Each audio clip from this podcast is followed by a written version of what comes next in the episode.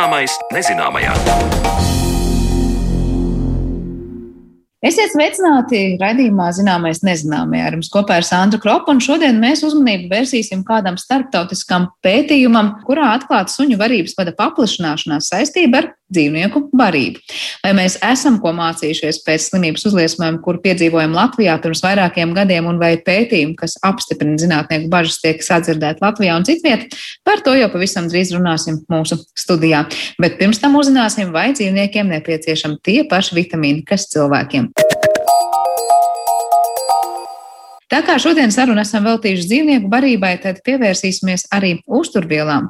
Par vitamīnu nozīmi cilvēku organismā esam dzirdējuši daudz, bet vai un kādi vitamīni ir nepieciešami dzīvniekiem? Kur ir tie dzīvnieki, kas paši producē C vitamīnu un kā šīs procesas dzīvnieku organismā notiek? To mana kolēģe Zana Lāce Baltalksne jautās Latvijas Lauksaimniecības Universitātes mācību spēkam Kasparam Kovaļenko. C vitamīns pazīstams arī ar nosaukumu askorbīna skābe. Tas ir vitamīns, kas atrodams dažādos pārtiks produktos. Tas nostiprina imunitāti, ir iesaistīts audu atjaunošanā, palīdz organismā uzsūkties nepieciešamajām vielām un vēl ir apveltīts ar virkni citu īpašību, kas ir nepieciešamas organisma normālai funkcionēšanai. Vairumam dzīvnieku. Organismā šis vitamīns dažādu vielu maiņas procesu rezultātā veidojas pats no sevis. Tiek uzskatīts, ka pirms vairākiem miljoniem gadu arī cilvēki un augstāk attīstītie pētiķi paši spēja sintēzēt vitamīnu C, taču evolūcijas gaitā šī spēja tika zaudēta bet mūsu ierastākie mājas mīluļi, suņi un kaķi var lieliski iztikt bez papildus C vitamīna uzņemšanas, jo viņu organismā tas veidojas caur uzņemtajām ierastajām barības vielām, piemēram, caur gaļu. Kā notiek vitamīnu sintēze dzīvnieku organismā, to attālināti ierakstītā intervijā stāsta Latvijas Lauksaimniecības Universitātes veterināra medicīnas fakultātes dekāns un pārtikas un vidas higiēnas institūta profesors un vadošais pētnieks Kaspars Kovaļenko. Ir arī vēl virkne citu dzīvnieku, kuriem šis C vitamīns netiek producēts organismā. Un tas ir galvenokārt saistīts ar šīm diētas izmaiņām, šiem dzīvniekiem. Notiecīgi, ja viņi no vides vai no pārtiku, ar barību uzņem pietiekamā daudzumā šo C vitamīnu, tad, attiecīgi, organismam šis C vitamīna nēsamība nerada problēmas. Attiecīgi, C vitamīns jau savā būtībā ļoti svarīgs vitamīns, lai noritētu normāls vielmaiņas process. Bet, ja šis vitamīns netiek producēts dzīvniekam, un ja viņš no barības neuzņem, šo vitamīnu, tad principā nu, šāda dzīvnieka dzīve nav iespējama.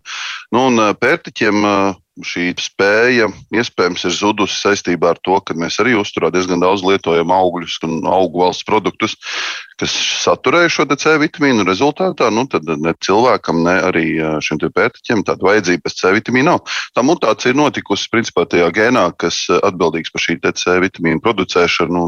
Tur ir patiesībā vairākas mutācijas ir notikušas šajā gēnā.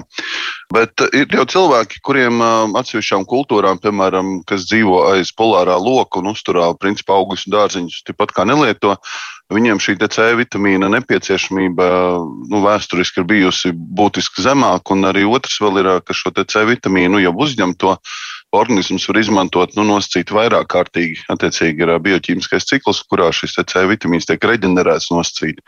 Un tad, notiecīgi, pietiek ar mazāku C vitamīnu uzturu pārtikā, lai nu, dzīvotu. Vai es esmu pareizi sapratusi, ka tad dzīvu būtņu organisms pielāgojas pieejamai pārtikai, un ja dzīvniekam, piemēram, ir pieejama tikai gaļa, tad caur to viņš arī uzņem nepieciešamos vitamīnus? Principā arī dzīvnieku izcelsmes produktos C vitamīns ir sastopams, tāpēc arī, piemēram, vesela virkne gaļēdāju, tā skaitā arī kaķi, šo C vitamīnu bieži vien uzņem ar savu, nu, principā pamatbarību. Un jāatzīmē arī, ka kaķi var apēdot to pašu putnu vai mazo grauzēju, viņam apēd ar visu kuģa un zarnu kanālu saturu.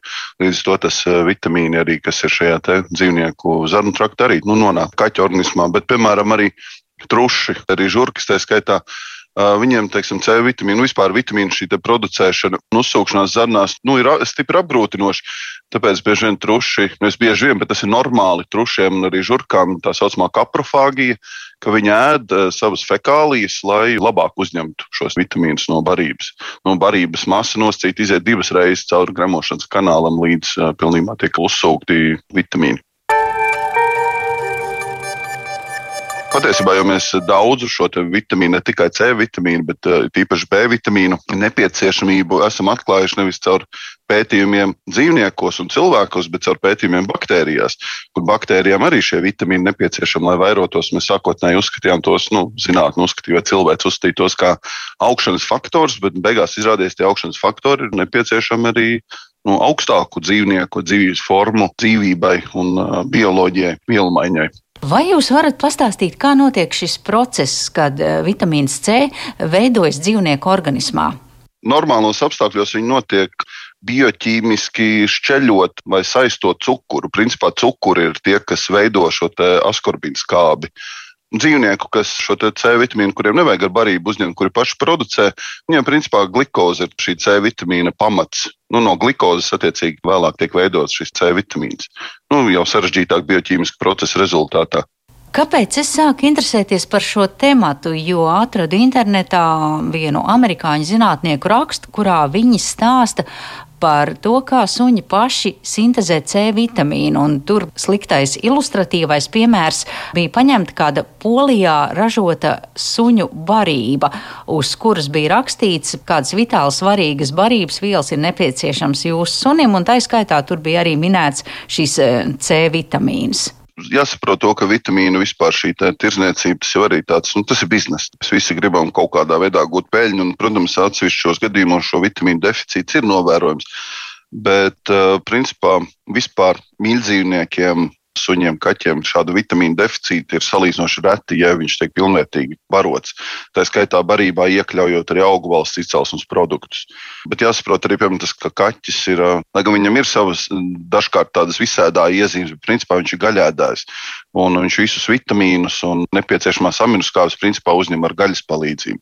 Bet arī, nu, kā jau iepriekš minēju, ka kaķim ir jāpēd viss šis dzīvnieks, tātad viss šis mazais grauzējs ar visu to, kas viņam ir iekšā. Un, principā, aknās būs ļoti daudz taukošu šķīstošo vitamīnu, savukārt zarnās būs šie ūdenī šķīstošie vitamīni, kas ir C vitamīns. Un, attiecīgi, tad šis dzīvnieks, nu, mēs uzskatām, ka viņš ir pilnvērtīgi uzņēmis visu nepieciešamo. Bet arī barības ražotāji īstenībā diezgan cieši seko līdzi šim vitamīnu un minerālu vielu saturam savā barībā. Tā kā principā ēdinot ar komerciālo barību, nu, tādu plaši pieejamu, nu, nosacītu profesionāli, varētu teikt, šiem dzīvniekiem nevajadzētu būt problēmām ar kaut kādu vitamīnu deficītu. Tātad mājdzīvnieku saimniekiem ir jāielāgo, ka nevajag iekrist eh, nevienā, ne otrā galējībā. Proti, ka vajag dot normālu, sabalansētu pārtiku, un nevajag eksperimentēt un dot savam sunim un kaķim cilvēku prātu vitamīniem bagātus, piemēram, augļus vai dārzeņus. Ja tas ir normāls produkts, ko šis dzīvnieks ēd, kaut vai tas ir burkāns, kartupelis, ko dzīvnieks labprātīgi ēd, tad ir viss kārtībā. Varbūt jāuztraucās, ja dzīvniekam mēģina papildus dot klāt vitamīnus, nu jau kā farmakoloģiskos preparātus, vitamīnu preparātus. Atsevišķos gadījumos var novērot ar hipervitaminozi, kad pārdozē šos vitamīnus. Un tur jau ir vesela virkne ar, ar simptomiem, kas liecina par to, ka dzīvniekam ir pārdozēta vitamīna. Tas mēdz gadīties. Nu, jāsaka, tā cilvēks aiz laba gribot, mēdz tiešām arī dzīvnieks pārbarot ar šiem vitamīniem. Arī cilvēki paši mēdz pārēsties vitamīnus. Bet uh, normāli barojot dzīvnieku, normālu barību, kaut vai mājās taisītu barību, A vitaminožu parasti vai hipovitaminožu parasti nav. Tai barībai jābūt daudzveidīgai, un tie paši suņi, kaķi lielu daļu vitamīnu tiešām uzņem no gaļas. Lai gan mūsdienās mēs arī varam noscīt, radīt nu, savā ziņā veģetāru vai vegānu. Laikam jāsaka, vegānu pat uh, barību dzīvniekiem, Bet Tas arī jautājums, kurā mirklī mēs novelkam līniju un pasakām, ka šis ir vegāns.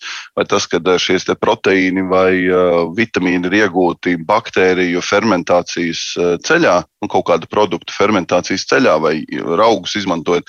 Vienkārši kuru dzīvības formu mēs ēdot, uzskatām, ka tas ir vegetārisms, un kura gadījumā vai vegānisms, un kuru dzīvi formu apēdot, mēs uzskatām, ka tas vairs nav vegānisms. Nu, tur ir tāda filozofiska tā robežlīnija un izmaiņa diezgan grūti nodefinēt. Un interesanti arī, piemēram, tas pats govīm vai atgremotāju dzīvniekiem. Nu, viņi jau savā būtībā ēd, protams, zāli vai no augu valsts uh, produktus, bet spureklī jau notiek šīs rūkšanas procesi, kuros iesaistīti ir gan augi, gan baktērijas, gan vienšūnu organismi. Nu, un pēc tam šos vienšūnu organismus un baktērijas un augus govis diezgan veiksmīgi sagremo un izmanto kā neaizvietojamās aminoskābes. Tā kā patiesībā govis un kāzas un aitas ir apslēptie gaļēdāji nu, savā būtībā. Tā kā tas ir tāds nu, interesants. Nu, mēs vienkārši to visu tā ļoti mēģinām salikt pa kastītēm, bet dabā jau tā kastīšu sistēma nedarbojas. Tās robežas nav tik skaidri novēlētas nevelkams. Kaķa gremošanas kanāls jau nav paredzēts līdz galam augu valsts produktu ēšanai. Nu, viņš paredzēts tiešām viņš plēsēs, vispār kaķveidīgie plēsē. Ja mēs paskatāmies savvaļā, piemēram, lielie kaķveidīgie lauvas, tīģeri, gepardi un tā tālāk. Viņi jau tiešām savu 90, pat nezinu, cik procentus no savas kalorijām dienā nepieciešamiem principā uzņem ar, ar gaļu. Tā kā kaķim būs stipri grūti iebarot kaut kādus augu valsts produktus, un varbūt arī tas īsti līdz galam nav vajadzīgs. Lai gan mūsdienās arī tās pašas kaķu barības ražojot, mēs jau izmantojam arī sojas proteīnus. Ir olbaltumvielas, kas iegūtas no sojas, tātad augu valsts olbaltumvielas jo pirmkārt viņas ir bieži vien lētākas nekā dzīvnieku izcelsmes olbaltumvielas, bet uh, tur rodās, protams, problēmas gan ar neaizvietojamām skābēm, kuras ir uh, tiecīgi šeit barībai jāpievieno klāt, tāpat mēs galu galā no bez dzīvnieku valsts produktiem īsti iztikt nevaram. Nu, tur tāds kaķim varbūt veģetārs šis produkts varētu barības produkts sanākt, bet tāds tiešām vegāns līdz galam, nu, man šķiet uz doto mirkli Vismaz kamēr mēs neaudzējām nosacīt gaļu laboratorijas apstākļos, eh, tāda priekš dzīvnieku barības tikmēr tas īsti nav iespējams. Par dzīvnieku spēju organismā veidot vitamīnus un to, cik ļoti vitamīnu dzīvniekiem ir nepieciešams, stāstīja Latvijas Lauksaimniecības Universitātes veterināru medicīnas fakultātes dekāns un pārtikas un vidas higiēnas institūta profesors un vadošais pētnieks Kaspars Kovaļenko. Bet raidījuma turpinājumā pievēršamies pētījumiem par dzīvnieku barību un ar to saistītām saslimšanām.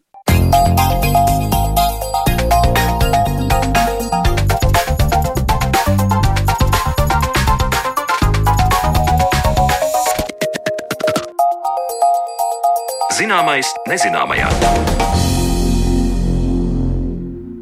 Startautiskā pētījumā, kurā analizēta Latvijas un Austrālijas pieredze, atklāta cēloniskā saistība starp pārtiku un barības vada dilatāciju suņiem. 2014. gadā veterinārā ārste Latvijā novēroja strauju slimības pieaugumu, kas sasniedza 253 gadījumus divu gadu laikā. Visos gadījumos tika ēsta konkrēta barība, un kas atklāts pētījumā un kāpēc pirms septiņiem gadiem zinātnieku paustās bāžas netika sadzirdētas. Par to šodien mēs vairāk runāsim mūsu attālinātajā studijā, kur uz sarunu esam aicinājuši veterināru patoloģu Ilzi Matīs Van Holteni. Sveika, Ilze! Labdien! Veterinārā ārsta Lita Konoporu. Sveika, Lita! Labdien! Un Latvijas universitātes profesors mums arī pievienojas Vjačeslavs Kašķējos. Sveiks, Vjačeslav! Labdien!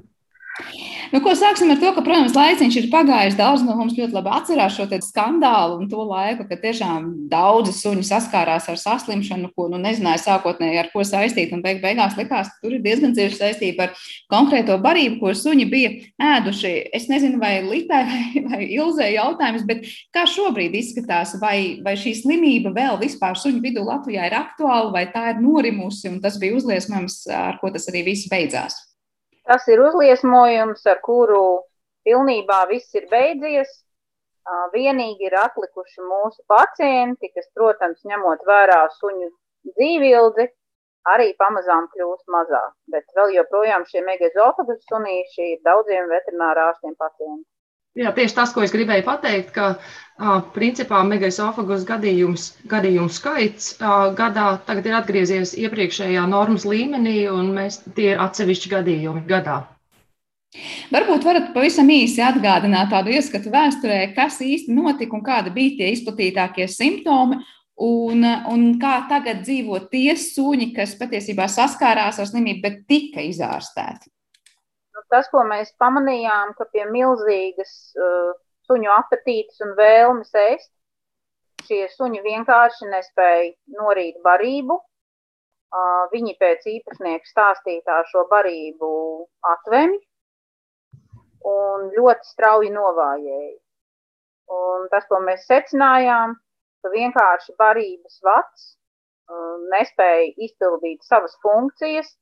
Tas nevis virza barību uz kuģi, bet visa šī šķietami norītā barība paliek šajā te barības vadā. Tas, tas bija tas, kā izpaudās šī slimība. Un cik lielā mērā tā bija ārstējama, un cik lielā mērā var teikt, ka tādi suņi, kas varbūt laikus tika ārstēti, nu šobrīd, es nezinu, kādā veidā saskars, nesaskars ar to kaut kādām sekām, kas ir bijis jau pirms tik ilga laika, gan jāteic. Nu, daži no tiem procesiem bija uh, apstādināmi un saulēcīgi pamanīti. Tie suņi sākumā tika baroti vertikāli krēsliņos, bet uh, daļa no pacientiem turpmāk spēja ēst no paaugstinājuma. Vairs nebija ilgi jātur vertikālā stāvoklī. Mūsu suņiem, mūsu Latvijas uh, suņiem, papildus tam, ka viņiem bija šis ļoti paplašinātais barības vats, jeb megaesofagus, viņiem bija arī um, vispārējais vājums, um, balss zudums, un ar to bija, saist, uh, tas bija saistīts ar uh, vispārēju nervu bojājumu, kas skāra uh, uh, nervu galus. Un uh, tad uh, šai slimībai mēs uh, iedavām nosaukumu megaesofagus polineiropātija, jo tā skāra gan varības vadu, gan arī nervus. Un šis tieši tas nervu bojājums un uh, varības vada bojājums ir tas, kas dažiem suņiem, lielākajai daļai suņu bija neatgriezenisks, bet tomēr apstādināms process. Es saprotu, ka salīdzinoši nesen, kas līdzīgs notika Austrālijā, un tur mazliet citādāk notika tas, cik ļoti laikus varbūt cilvēki uzreiz eh, sasaistīja šo suņu konkrētās tātad, simptomus un pazīmes ar to, kādu varību bija ēduši, tur tā izmeklēšana notika, un beig beigās mēs šobrīd varam teikt, ka tas, par jū, ko, ko jūs kā veterinārā ārsta un veterināra patologa runājāt jau tālajā 14. gadā, nu, neguva, man liekas, tik ļoti dzirdīgas ausis sākotnēji Latvijā, kā varbūt eh, gribētos. Un šobrīd Austrālijas piemērs parāda, ka nu, jau tolaik vetārstiem bija taisnība. Varbūt jūs varat nedaudz ieskicēt, kas ir noticis šobrīd starptautiskā līmenī un kas ir noticis Austrālijā ar to ļoti, ļoti līdzīgu gadījumu. Austrālijas uh, uzliesmojums uh, nebūtu pamanīts, ja vien īsā laika periodā, 17. gada beigās, nebūtu saslimuši 10% no dienesta suņiem. Un vienīgais vienojošais faktors šiem dienesta suņiem bija barība, ko viņi bija ēduši. Šīs neparastā, šī neparastā sakarība un neparastais gadījums tika ziņots arī ražotājiem, barības ražotājiem, un šī nelielā uzliesmojuma izmeklēšanā iesaistījās Melnburnas Universitāte. Bet tālākais ar ne, da, dažu mēnešu nobīdi, tad kļuva skaidrs, ka šie nav vienīgie gadījumi. Ar mēdīju palīdzību tika paziņots arī, ka ir šī neparastā sakarība starp dienestu suņiem un viņa ēsto barību, kas bija Dermocare un ko bija ražojis Mars Petcare. Un atklājās, ka ir skārtī arī daudz vairāk suņi vispārējā populācijā uz ko tad reakcija, ražotāja reakcija bija, ka viņi tūlītēji atsauc savu produktu un brīdina suņu saimniekus par šo saistību, lai arī gan nesakot, ka ir tieši saikne, bet rīkojoties kā attiecīgi tai drošības situācijai izvērtējot risku. Tad lūk, šī ir tā lielākā atšķirība. Pirmā lielākā atšķirība, ka ražotājs vienkārši redzot, ka ir ļoti cieša saiknes starp barību un slimību, iedarbina mehānismus, lai, lai pasargātu citus suņus no iespējamās saslimšanas. Un tādējādi tās atšķirības starp Latvijas uzliesmojumu un Austrālijas uzliesmojumu ir tādas, ka Austrālijas uzliesmojums tika apturēts samērā īsā laikā, 5-6 mēnešu laikā. Tas skāra relatīvi mazākus suņus, tikai 145. Un ražotājs aktīvi iesaistījās izmeklēšanā, tā skaitā ļoti rūpīgi pārbaudot visus piegādātājus, izēvielas, uh, un meklējot iespējamo cēloni, kas tieši ir barībā. Protams, atšķirība ir arī tā, ka ražotājs neiesūdzēja tiesā veterinārārstus, kas brīdināja par šo slimību, un, un arī nepārmeta īpašniekiem par to, ka viņiem ir aizdoms par, par saistību ar šo slimību. Bet eh, cik lielā mērā Latvijā un eh, Austrālijā nonāca līdz tam, kas īsti ir pie vainas, kāpēc vispār kaut kas tāds notika? Tad es saprotu, ka saistības starp barību un slimību tika apstiprināta arī Austrālijā, bet kas eh, barības ražotājiem radītās problēmas, tas ir zināms.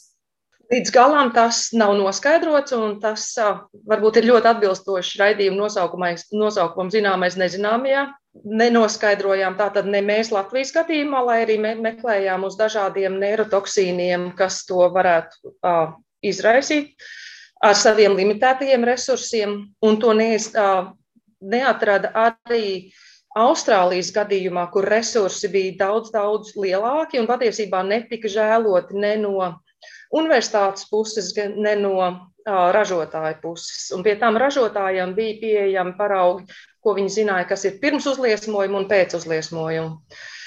Vēlāk sasauktā ekspertu, starptautisko ekspertu grupu, kurā piedalījos arī es, secinājumi, kas ir arī pausti šajā kopīgajā publikācijā, ir tādi, ka šī slimība visdrīzāk ir multifaktoriāla. Un tā kā šī ir arī kroniska slimība, tad visdrīzākais tā ir dažādu faktoru miedarbība. Tā ir skaitā arī nav skaidrs, kāpēc atsevišķi suņi, suņi ir jutīgi uz šo slimību, un, ats, un citi suņi nav. Tā kā tas šajā kopīgajā rakstā patiesībā tiek izgaismots, kuras ir vēl pētāmās jomas, lai, lai nonāktu līdz konkrētākam uh, cēlonim, un tad būtu vieglāk, vieglāk šo, šādus uzliesmojumus novērst nākotnē. Bet skaidrs ir viens, ka barība ir bijis, lai arī tā ir multifaktoriāla ietekme. Tas, tas faktors, kas ir veicinājis to, lai suņi saslimtu, bet vēl nav zināms, kāpēc tieši. Par to šaubu.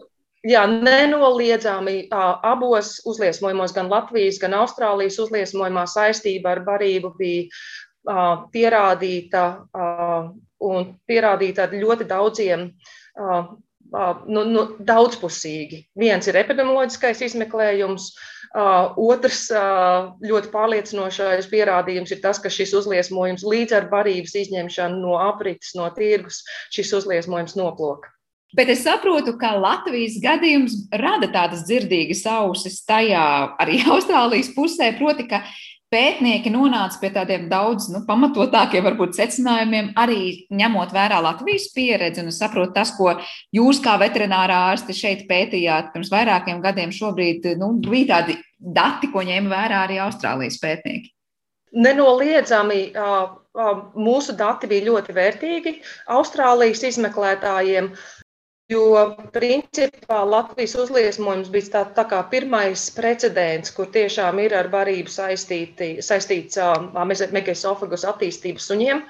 Bija noderīgi gan mūsu epidemioloģiskā pieeja, epidemioloģiskais pētījums, gan arī visi dati, ko mēs savācām at, attiecībā uz patoloģiskajām pārmaiņām suņos un klīniskās izmaiņas. Patiesībā Latvijas tas pētījums bija daudz bagātīgāks klīniskā ziņā, tieši analizējot suņus, salīdzinot ar to, ko viņi spēja izdarīt Austrālijā. Austrālijas pētījums bija daudz tāds detalizētāks attiecībā tieši uz barību. Un tā kā mēs varam teikt, ka mēs šo slimību labāk saprotam, tāpēc, ka mēs saliekam galvas kopā. Līta, vai būs kas piebilstams par to, kā sasaistījās šī Latvijas situācija ar to, ko piedzīvoja austrālieši un uz ko tas tālāk aizveda? Jūs saprotat, šobrīd tā rezonance ar to kā iesaistījās gan barības eh, ražotāji un atzina varbūt arī to savu vainu tajā, eh, ir, ir daudz nu, atšķirīgāk no tās situācijas, ko mēs piedzīvojām, nu, jāsaka, tālajā 2014. šeit Latvijā.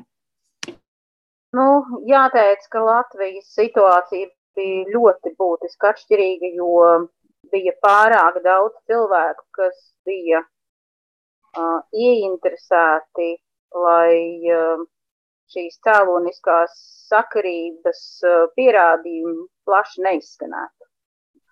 Un, uh, godīgi sakot, nu, veterinārā ārsti jau pārsniedz kādu savu kapacitāti un spēju šīs Dogovas sāgas laikā, jo mēs veicām viens ir savu profesionālo darbību, respektīvi glābām šos suņus, otrs mēs brīdinājām sabiedrību, bet mūsuprāt, vajadzēja pietikt pilnīgi tikai ar to, ka mēs savas bažas paužam, pasakam savus pētījumu rezultātus un tālāk šo darbu faktiski cīņā par suņu veselību un dzīvībām bija jāiznes, manuprāt, dzīvnieku aizsardzības organizācijām, kuras, kā mēs labi zinām, tā arī priekšplānā par suņu tiesībām neparādījās neviena no organizācijām jo bija pārāk lielas viņa intereses. Diemžēl tāda bija tā situācija. Es šobrīd Vjačeslavam gribu vaicāt, jo, protams, varbūt kādam var likties, kāpēc Vjačeslavs ir pa, vidu šajā sarunā divām dāmām, kas ir saistīts tieši ar veterināriju un, un, un konkrētu šo gadījumu, bet es zinu, ka tolaik daudz iesaistījies gan tu, gan arī Andris Ambainis tajā runājot, ka, nu, lūk, dati liecina, ka ir ļoti tieši cēloņu sakarības starp barība, ar ko suņi tika baroti un slimojošiem suņiem. Un liekas, nu, kur vēl skaidrāk un kāpēc tomēr Latvijā tik maz to laik ieklausījās. Nu, likās tik ļoti pašsaprotamos un acīm redzamos datos. Vjačslav, kā tu raugies šobrīd uz to, kas ir noticis Austrālijā un kā tu atceries to laiku, kas šeit bija Latvijā?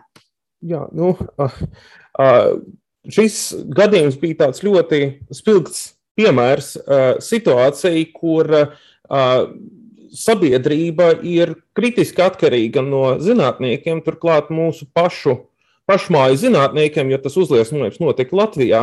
Līdz ar to uh, tur parādījās tāda ļoti kritiskā zinātnes funkcija, kura dod uh, aizsargā sabiedrību pret uh, reālo ļaunu, pret reālām briesmām.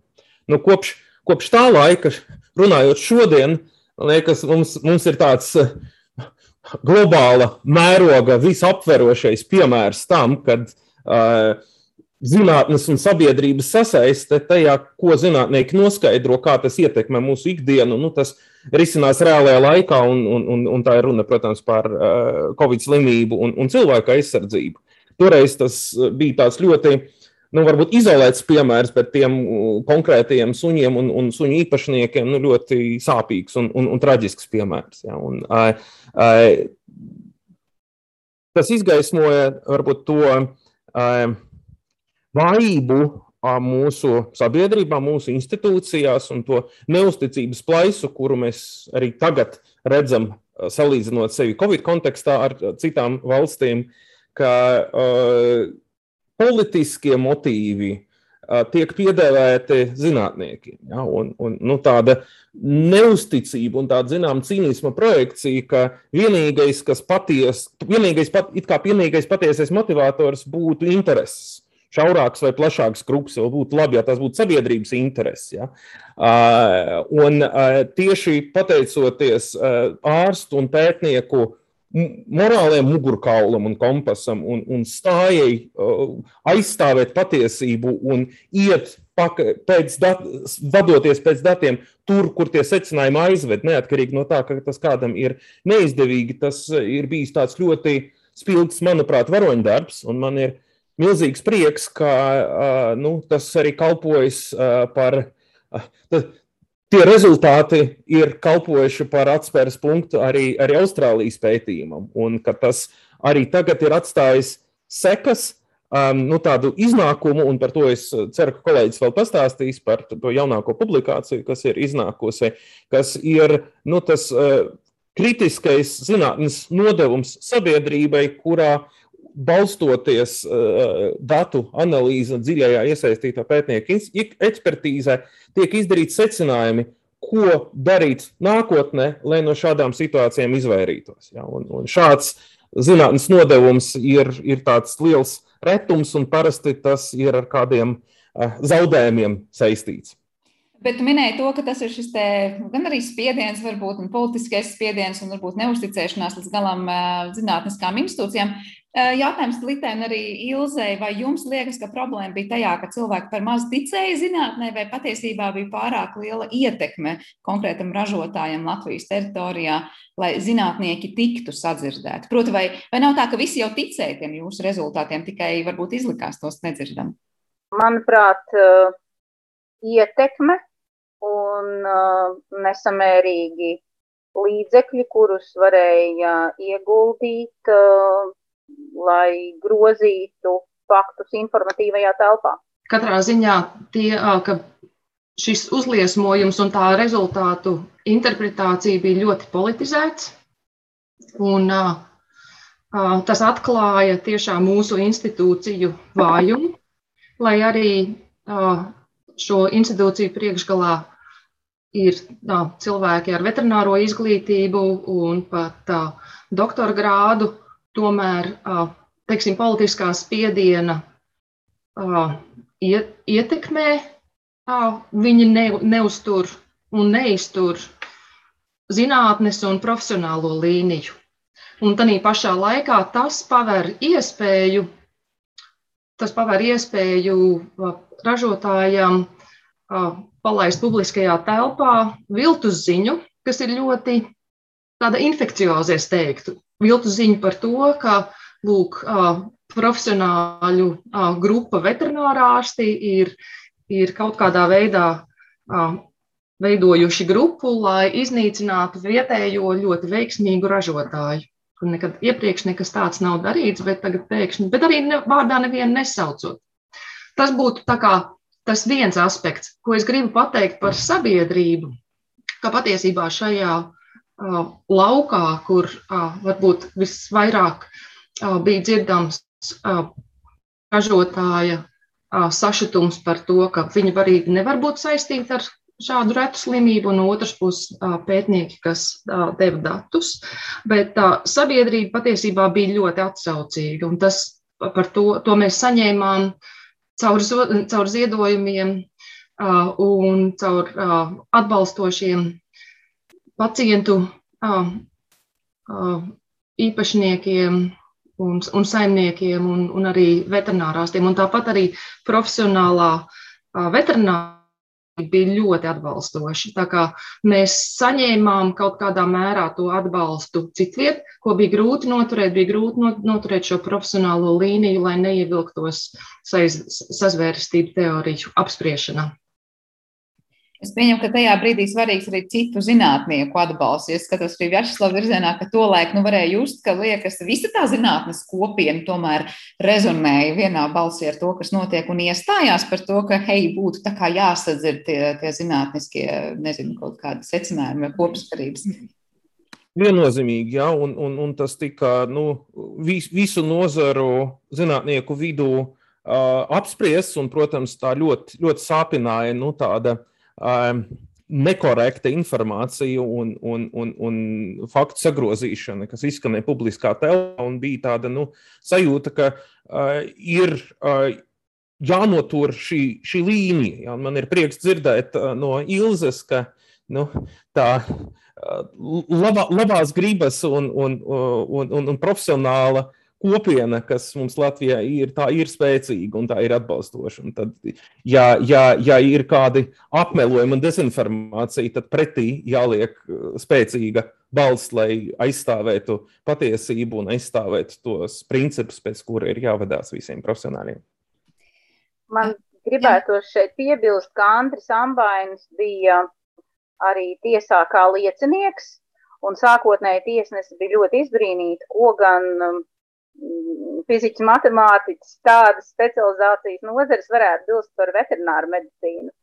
Uh, bet, kad viņš sāka stāstīt par visiem šiem aprēķiniem, statistiku un epidemioloģiju, tad uh, mēs redzējām, ka tiesnese pārliecinās par to, ka pilnīgi noteikti savā lietā viņš ir eksperts, un, un es domāju, ka šai liecībai ir ļoti liela nozīme.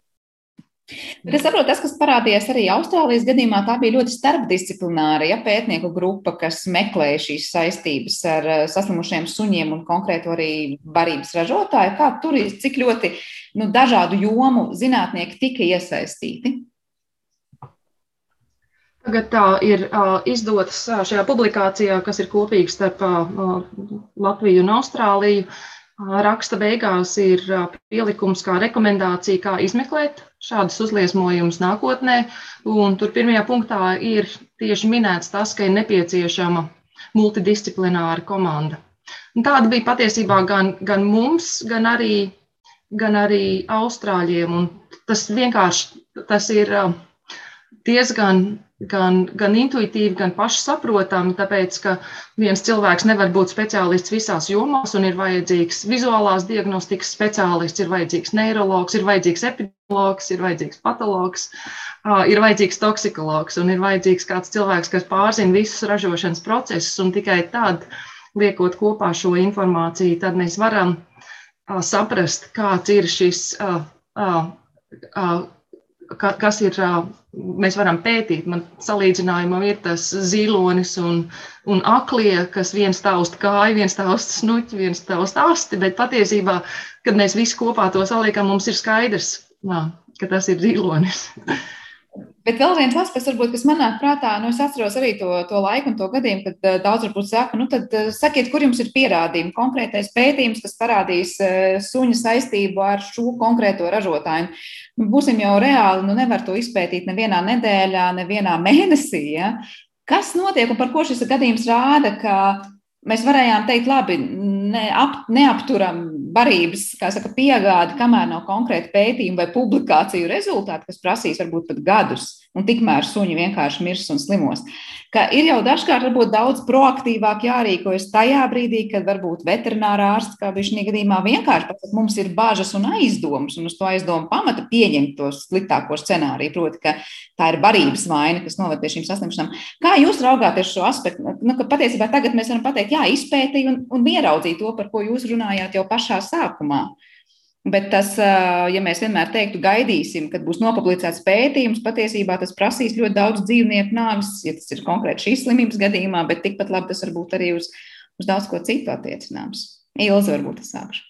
Jā, noteikti nevar gaidīt, un tas ir arī iekļauts šo um, ieteikumu vai rekomendāciju uh, desmit soļos, uh, tas nav tā arī nav nekāda jaunā ziņa, ka ir principā ir jārīkojas līdz ko ir saņemti pārliecinoši signāli par riska faktoru. Un līdz ko šis riska faktors ir izkristalizējies, nav vajadzīga gaidīšana uz publikāciju, bet ir jārīkojās. Un to, to nosaka labas prakses vadlīnijas, bet, diemžēl, šo labo prakšu vadlīnijās iejaucās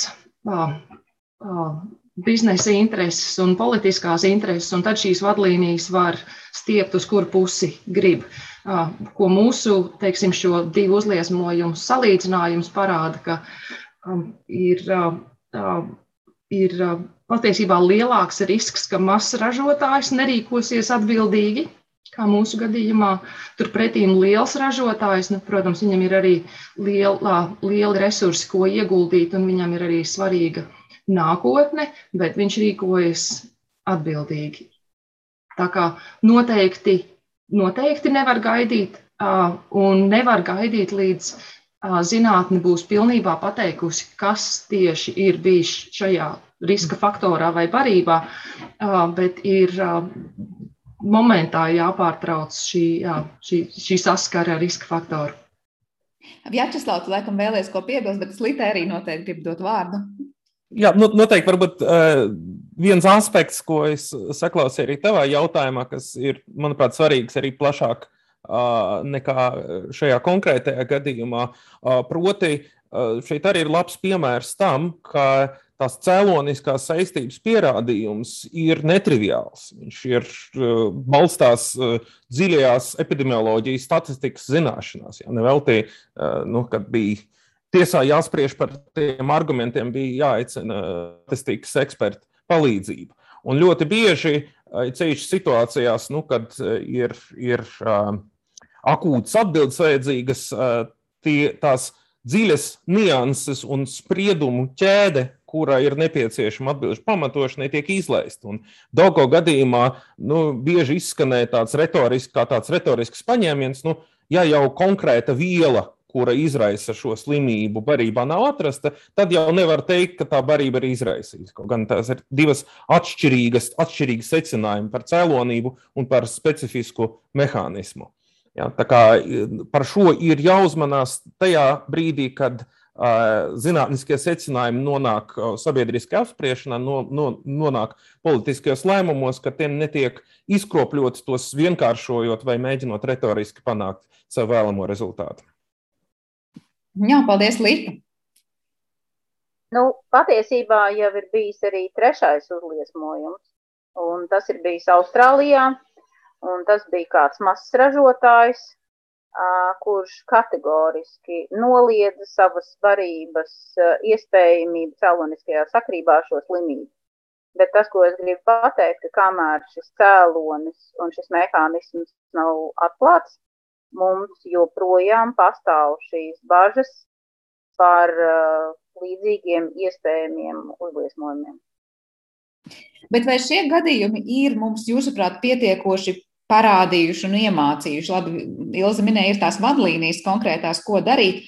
Vai ir pamats domāt, ka nu, nedodies būs nākamais uzliesmojums atkal, bet jebkurā gadījumā situācija, kurā mēs ar ko līdzīgi sastapsimies, un ieklausīsies daudz vairāk, būs sabiedrība, būs citi atbildīgie nezinu, institūcijas un dienesti mācījušies kaut ko no tā visa, vai atkal, ja būs liela politiskā ietekme, tad mēs varēsim tikai noplātīt rokas pasakot, bet mums liekas, ka redz, kur viss ir acīm redzami, bet, bet kā saka, visa karavāna ies uz priekšu.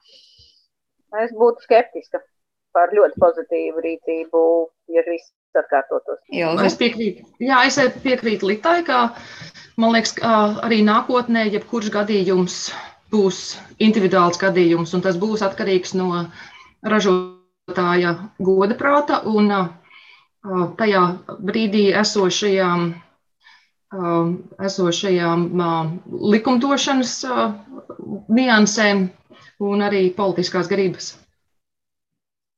Jāčislau, kā tev liekas, vai šie visi gadījumi kopā salikti vairos ticību zinātnē un zinātnieku teiktajam, ekspertu teiktajam, vai tu arī būsi pesimistiski noskaņots un teiks, ka vienmēr jautājums, kā tad varēs tās vadlīnijas tik vilktas, uz kuru interesēto pusi par to arī sabiedrība runās?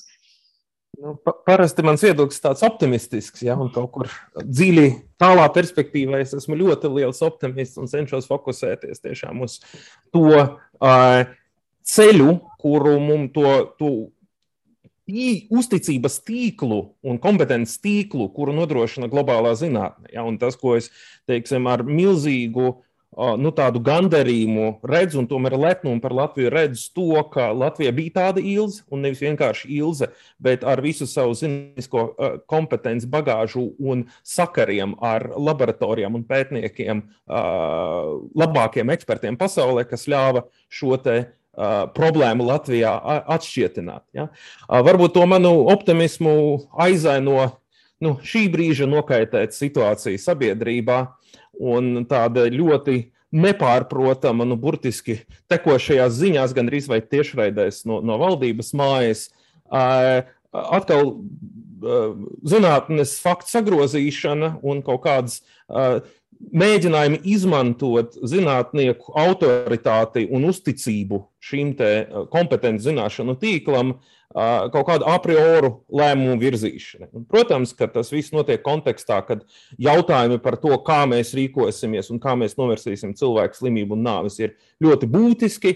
Var reālajā laikā vērot, kā pieaug zināšanu daudzums par šo slimību, kā evolucionē arī labākā zinātnieku rekomendācijas. Un, protams, tāda situācija arī izgaismo mūsu daudzās vājas vietas. Un es gribas cerēt, atkal skatoties uz tādu a priori optimistisko skatījumu, ka mēs no šīs krīzes iziesim stiprāki un, un mācīsimies no labajiem piemēriem, kuru netrūkst arī Latvijas pētniekiem, arī saistībā ar šo pandēmiju. Atkal mums ir ļoti paveicies, ka mums atkal ir starptautiski atzīti un ietīkloti top eksperti epidemioloģija, infektoloģijā, kas var interpretēt reālajā laikā notiekošo zinātni un dot pamatotas rekomendācijas, kas vērsts uz maksimālu labumu sabiedrībai. Un tas ir tikai mūsu kopējs, jau, jau ārpus profesionālās kopienas sabiedrības izaicinājums tajā ieklausīties un uh, uh, spērt nākamo soli, lai, lai mūsu institūcijas būtu stiprākas un lai mūsu sabiedrība būtu uh, stiprāka pēc šīs pieredzes. Jā, nu galvenais sabiedrībai neinterpretēt to zinātnieku teikto, tad, kad ir izdevīgi, ka tā kā tas, ko mēs ticam un pieņemam, un tad, kad tas ir neizdevīgi, tad tas ir tas, ko mēs apšaubām. Jā, un arī šis piemērs parāda, cik ļoti, ļoti svarīga zinātniekiem tādā ļoti grūtā brīdī, tad, kad ir ne tikai jāglāb konkrēti kā bija suņu dzīvības un jādomā par to, kas notiek, bet vēl jāpārliecina, jāizglīto sabiedrību. Tas, laikam, tiešām bija diezgan, diezgan daudz, kas bija likts uz jūsu, kā zinātnieku un pētnieku pleciem. Bet, uh, Lielas paldies jums par tā laika mugurkaulu un, protams, visu to, ko esat darījuši līdz šim. Un paldies arī par šo sarunu. Es teikšu mūsu šīs dienas attālinātās studijas viesiem un atgādināšu, ka šodien pie mums viesojās veterināra patoloģija Matīs Van Houtene, veterinārā ārsta Lita Konopora, kā arī Latvijas universitātes profesors Jāčeslavs Kašķējās. Ar to arī šīs raidījums ir izskanējis. Paldies par klausīšanos un uz tikšanos!